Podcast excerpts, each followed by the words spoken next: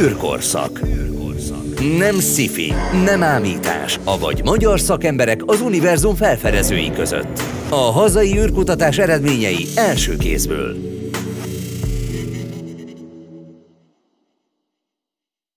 Ez az úrkorszak itt a Spirit fm Köszöntöm Önöket, a mikrofonnál Vince Bence. Egy újabb témába vágunk bele ezen a héten, méghozzá egy olyan témába, amelyet már nagyon sokszor emlegettünk az elmúlt hetekben és hónapokban itt az adásokban. Méghozzá a rakéta építésről lesz szó, na de nem is akármilyen rakéta építésről, mert ugye én nagyon sokszor feltettem már szakértőinknek azt a kérdést, hogy jó, jó, de nekünk magyaroknak mi a szerepünk, mi mit csinálunk, mi tényleg építünk rakétákat, vagy küldünk fel műholdakat. És a mai válasz az lesz, ami kiderül majd az adás végére remélhetőleg, hogy igen, mi építünk rakétákat, méghozzá nem is feltétlen mi itt a stúdióban, hanem a BME-nek egy közel 50 fős csapata, akik a portugál űrügynökség által szervezett rakétaversenyre is kijutottak, és hát hamarosan kiderül, hogy milyen eredménnyel zárják majd ezt a versenyt. Köszöntöm a stúdióban Hafner Zoltánt, a BMS Suborbitals csapatkapitányát, illetve Nagy Dominikot, aki az elektronikai csoportaért felel, mint társvezető. Köszönöm szépen, hogy elfogadtátok a meghívásunkat, és üdvözöllek benneteket itt a stúdióban. Sziasztok, mi köszönjük a meghívást, és örülünk, hogy itt lehetünk. Hogyan is néz ki az, hogy valakiből rakétaépítő lesz? Mert szerintem az, hogy valaki rendőr, mentő, tűzoltó gyerekkorában nagyon sokszor megfordul a fejébe. Na de azt nem hiszem, hogy mondjuk óvodában valaki azt válaszolja, hogy már pedig én rakétákat szeretnék építeni. Már pedig meglepődnél a válaszom, mert, mert vannak olyan tagjaink, akik tényleg ennyire elkötelezettek, hogy ők már szerintem óvodában is rakéta volt a jelük, és, és már gyerekkoruktól kezdve elhatározták, hogy ők rakétamotorokat, hajtóműveket szeretnének fejleszteni. Persze nem ez a domináns többség a csapaton belül, de, de azért vannak ilyen tagjaink is. Az, hogy egyébként ez hogy alakult ki, vagy hogy mi hogyan jutottunk el ide, hogy ezzel tudjunk foglalkozni, ahhoz még vissza kell mennünk egy két évet, 2020-ban, amikor megrendeztük az első Kenset versenyt, ahol középiskolások készítettek úgynevezett műhold szimulációkat, ez azért KENSZET, mert egy KEN, tehát egy üdítős doboz méretű satellite, mint műhold szimulációt készítettek, és mi biztosítottuk hozzá ezeket a kisebb méretű rakétákat, amelyek segítségével egy másfél kilométeres magasságba felbocsátottuk ezeket a műhold szimulációkat, és a visszatérő objektumok közben különböző alsó légköri méréseket végeztek. Ez volt két évvel ezelőtt, tehát 2020. augusztusában, és ezután döntöttünk úgy, hogy milyen jó lenne ezzel komolyabban foglalkozni, és rakétafejlesztéssel foglalkozni a műegyetemen belül. Ez itt hazá, hazánkban ez kicsit újdonság volt, azonban, hogyha kör, körbenézzünk a határon túl, itt Európában is már évek óta ennek egyre nagyobb hagyománya kezd kialakulni. Itt a különböző neves egyetemeken, Delft Egyetemen, Dániában, Zürichben, és még sorolhatnám a nagyobb nagyobbnál nagyobb egyetemeket, de mindegyiknek van egy rakétafejlesztő versenycsapata. És itt jött nekünk is az a, a, mi is így döntöttünk úgy, hogy akkor jó lenne ezzel komolyabban szervezetten foglalkozni, és akkor alapítottuk meg lényegében a versenycsapatot. Ez egy baráti összejövetel során fogalmazódott meg bennetek, vagy ti alapból az egyetemen is szaktársak, csoporttársak vagytok, és így adódott az ötlet, hogy akkor ezt kihasználva alakuljon Ö... meg ez a szervezet, úgymond? Tulajdonképpen is is, mert amint mondtam, ezt a versenyt, ezt a egyetemi kozmosz kör keretében, akkor annak a tagjaiként szerveztük ezt meg. Ez egy ilyen öntevékeny kör az egyetemen, ahol űrtechnológiával, érdekességekkel foglalkoznak, ott is vannak különböző projektek és workshopok, és ennek volt lényegében egy projektje. És ezután döntöttünk úgy, hogy akkor így mind baráti társaság, mind még egy szervezet, így álljunk össze, és ezt csináljuk meg. Ezt tanítják már az egyetemen? Tehát vannak ilyen tárgyak, ami kimondottan az űrtechnikával kapcsolatosak? Az én képzésemen, a villamosmérnöki képzésen van, van pár tárgy, ami, ami érinti ezt, viszont úgy kifejezetten, mint külföldi egyetemeken.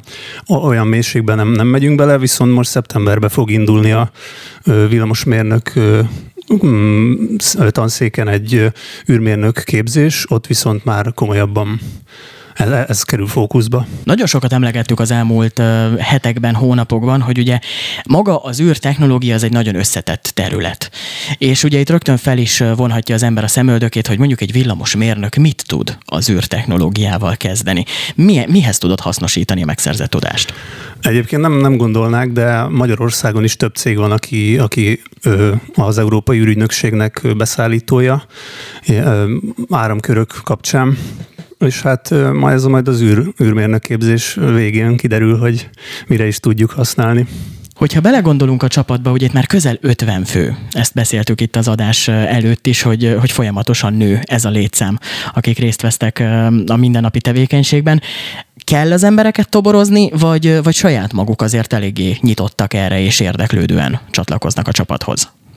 Alapvetően érdeklődőek, azonban ezt, mivel egy ilyen szervezet vagyunk, ezért ezt próbáljuk egy szervezet módon meg, megteremteni, tehát nekünk például most év elején volt egy tagfelvételünk február környékén, akkor 13 új tagot vettünk fel, illetve majd ősszel is lehetségesen terve van meg jövőre is. Tehát, hogy ezeket inkább ilyen szervezettebben csináljuk, tehát, hogy vannak ilyen időszakok, de egyébként ez bevett szokása az egyetemi versenycsapatoknál, tehát ezt így szoktuk csinálni. Egyébként meg én mindig azt szoktam mondani, hogy maga a téma, amivel foglalkozunk, az már önmagát eladja. Tehát, hogy rakétákat bocsátunk fel, és rakétatechnológiával foglalkozunk, ez szerintem már önmagát eladja. Mennyire egyedülálló dolog ez? Tehát Magyarországon például van-e másik egyetem, aki ugyanígy rakétafejlesztéssel foglalkozik? Az OBD Egyetemen van egy másik versenycsapat, ők is foglalkoznak ezzel, illetve a Gödöllői Egyetemen ott inkább elektronikával, fedélzeti számítógépek fejlesztésével, tehát ők magát a rakétát azt nem. Ők, ha jól tudom, a Bajai, egy Bajai Egyesülettel együtt dolgoznak össze egy, egy rakéta fejlesztésben, de így mondhatni hogy így tényleg úttörői vagyunk ennek itt hazánkban. Egy űrmérnök mennyiben különbözik mondjuk egy villamosmérnöktől? Fordulok vissza Dominikhez. Hát specifikusabban azokra a problémákra készítik ott fel, vagy fogják felkészíteni a diákokat, ami az űrben hát szembe jön egy adott eszközzel. Például a, ugye nagyon fontos megtervezni a hőháztartását egy ilyen űreszköznek, mert folyamatosan ciklikusan, ahogy kering ugye a föld körül, felmelegszik, lehűl, felmelegszik, lehűl, illetve hűlni sem tud annyira, hogyha valami nagy teljesítményű elektronika van benne, mint a földön, mert itt ugye a, a levegő, mint közeg elszárítja a, a hőt az adott eszközről, viszont kint az űrvákumában ez, ez nem lehetséges. Úgyhogy Hát igen, nagyon sok fontos szempont van, amit figyelembe kell venni, hogyha egy ilyen űreszközt tervez az ember. Sokat emlegettük már, hogy rakéta tervezés, rakéta tervezés. Hogyan néz ki ez a rakéta, amit ti terveztek? Szerkezetét illetve, tehát nekünk egyébként az alapfilozófiánk, meg az alapkoncepciónk, amikor már megalapítottuk ezt a csapatot is, akkor is az volt, hogy a lehető legtöbb alkatrészét mi tervezzük, mi, mi fejleszünk és mi gyártsuk le. Ez emögött az van, hogy mi úgy vagyunk vele, hogy ebből tudunk a legtöbbet tanulni, mert egy gyártás technológiától, tehát tényleg a, a nulláról felépítve egy készterméket készítünk el.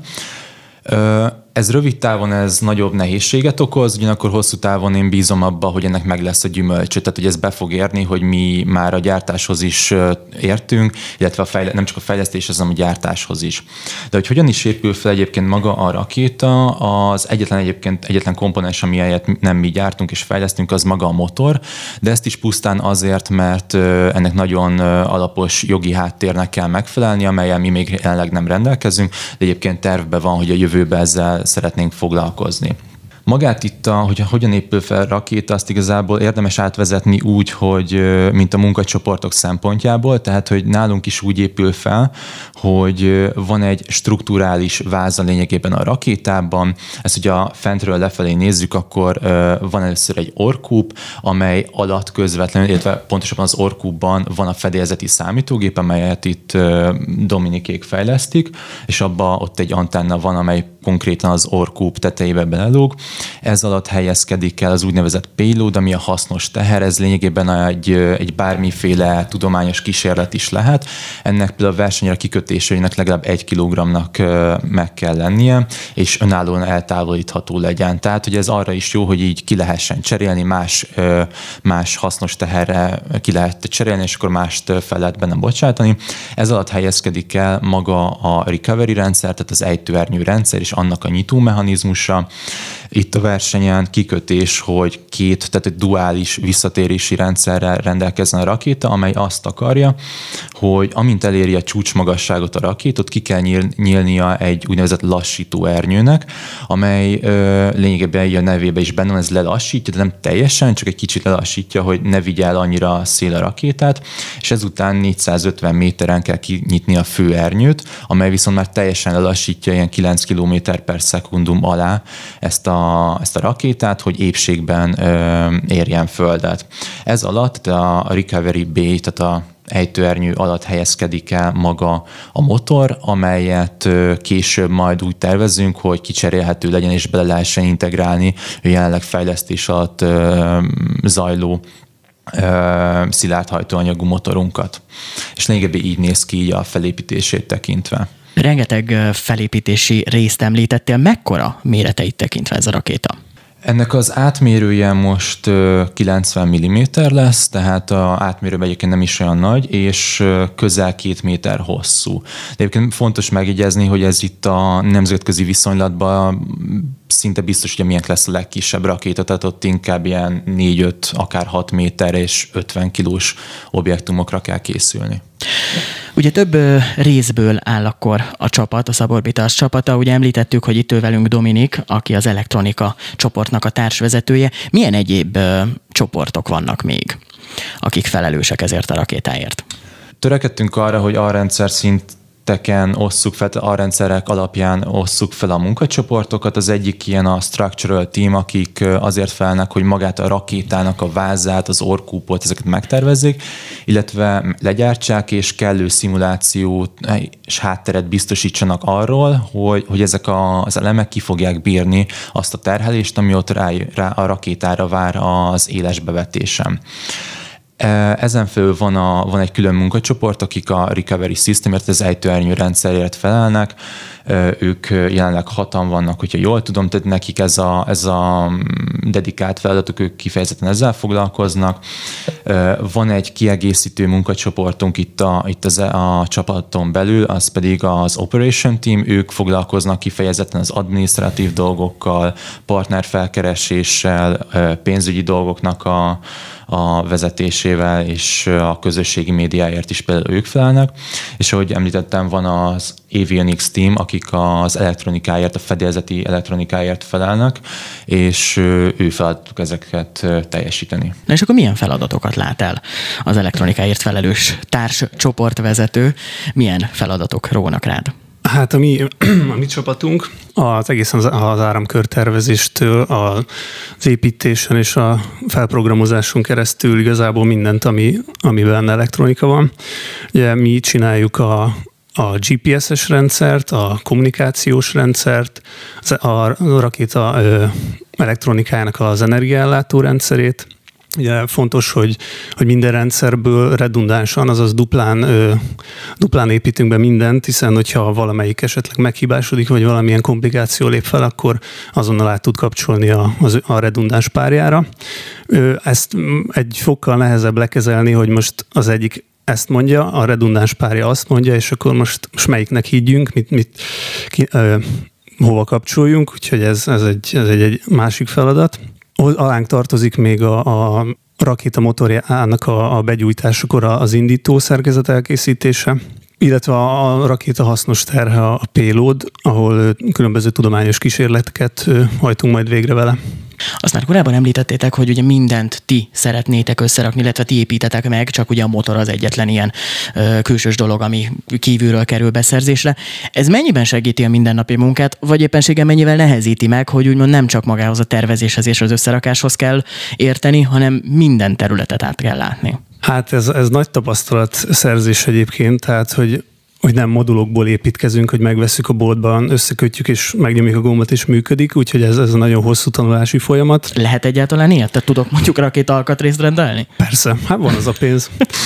Igen, de hogy ez egy hosszú folyamat, nehéz, de ahogy említettem, én, én abba bízom, hogy ez hosszú távon ez kifizetődő lesz. Tehát, hogy a, Tudok rengeteg példát mondani, hogy a szerkezeti elemeknél, tehát megterveztük, hogy akkor ez így fog kinézni, így fogjuk legyártni, és bementünk a laborba, és nem tudom, hét napon keresztül szenvedtünk vele, mert, mert nem olyan volt a valóságban, mint hogy mi azt megterveztük az íróasztalnál. Tehát, hogy nagyon nehéz ez, ez, a, ez a része, tehát maga a gyártás technológia, és azonban ezekből tanulunk rengeteget, és, és mondom, hosszú távon ennek szerintem meg lesz egy gyümölcse.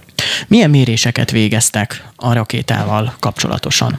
Az elsődleges hasznos teher egy spektrumanalizátor, mivel a környezet rádiófrekvenciás szennyezettségét mérjük.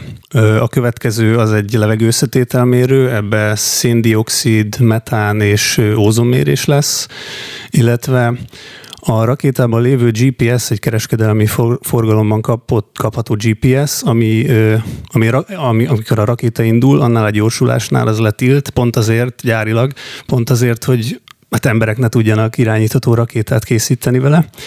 Úgyhogy más módon kell mérnünk a rakéta sebességét.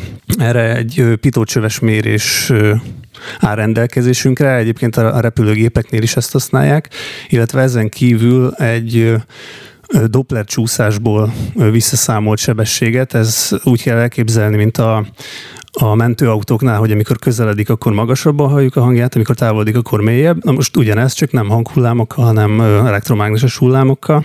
Még a spektrumanizátorhoz tennék annyit hozzá, itt a műsor elején volt arról szó, hogy hazánkban például műhold fejlesztés, vagy hogy küldünk-e fel műholdakat, és szerintem ezzel érdemes büszkélkednünk, hogy a, ez a spektrumanalizátor ez nem mellesleg decemberben földkörüli pályára is fog kerülni, ez pont Dominik keze által Ja, igen, nagyon szerencsésnek mondhatom magam, hogy a következő magyar műholdon is dolgozhatok. Ez volt a szakdolgozat témám is, illetve most félállásban dolgozom a tanszéken ezen.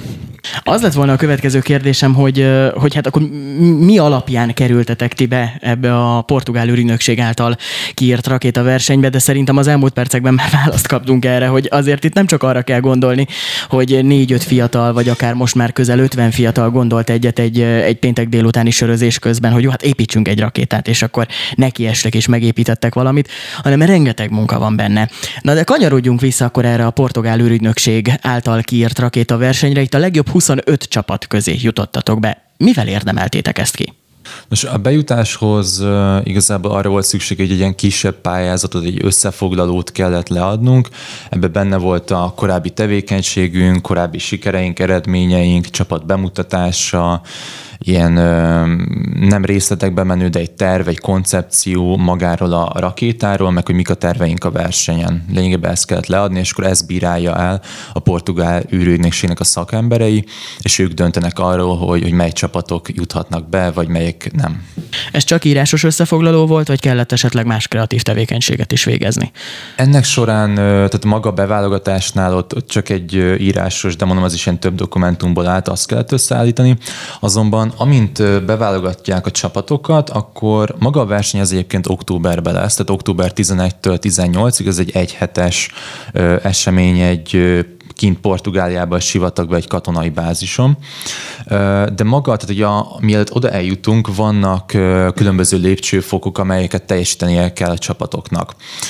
Különböző dokumentációknak meg kell felelnie, tehát hogy vannak különböző dokumentációs szintek azok alapján, hogy milyen technológiai szinten van a rakéta, és ezeknek megvan a határideje, hogy mikorra kell leadni.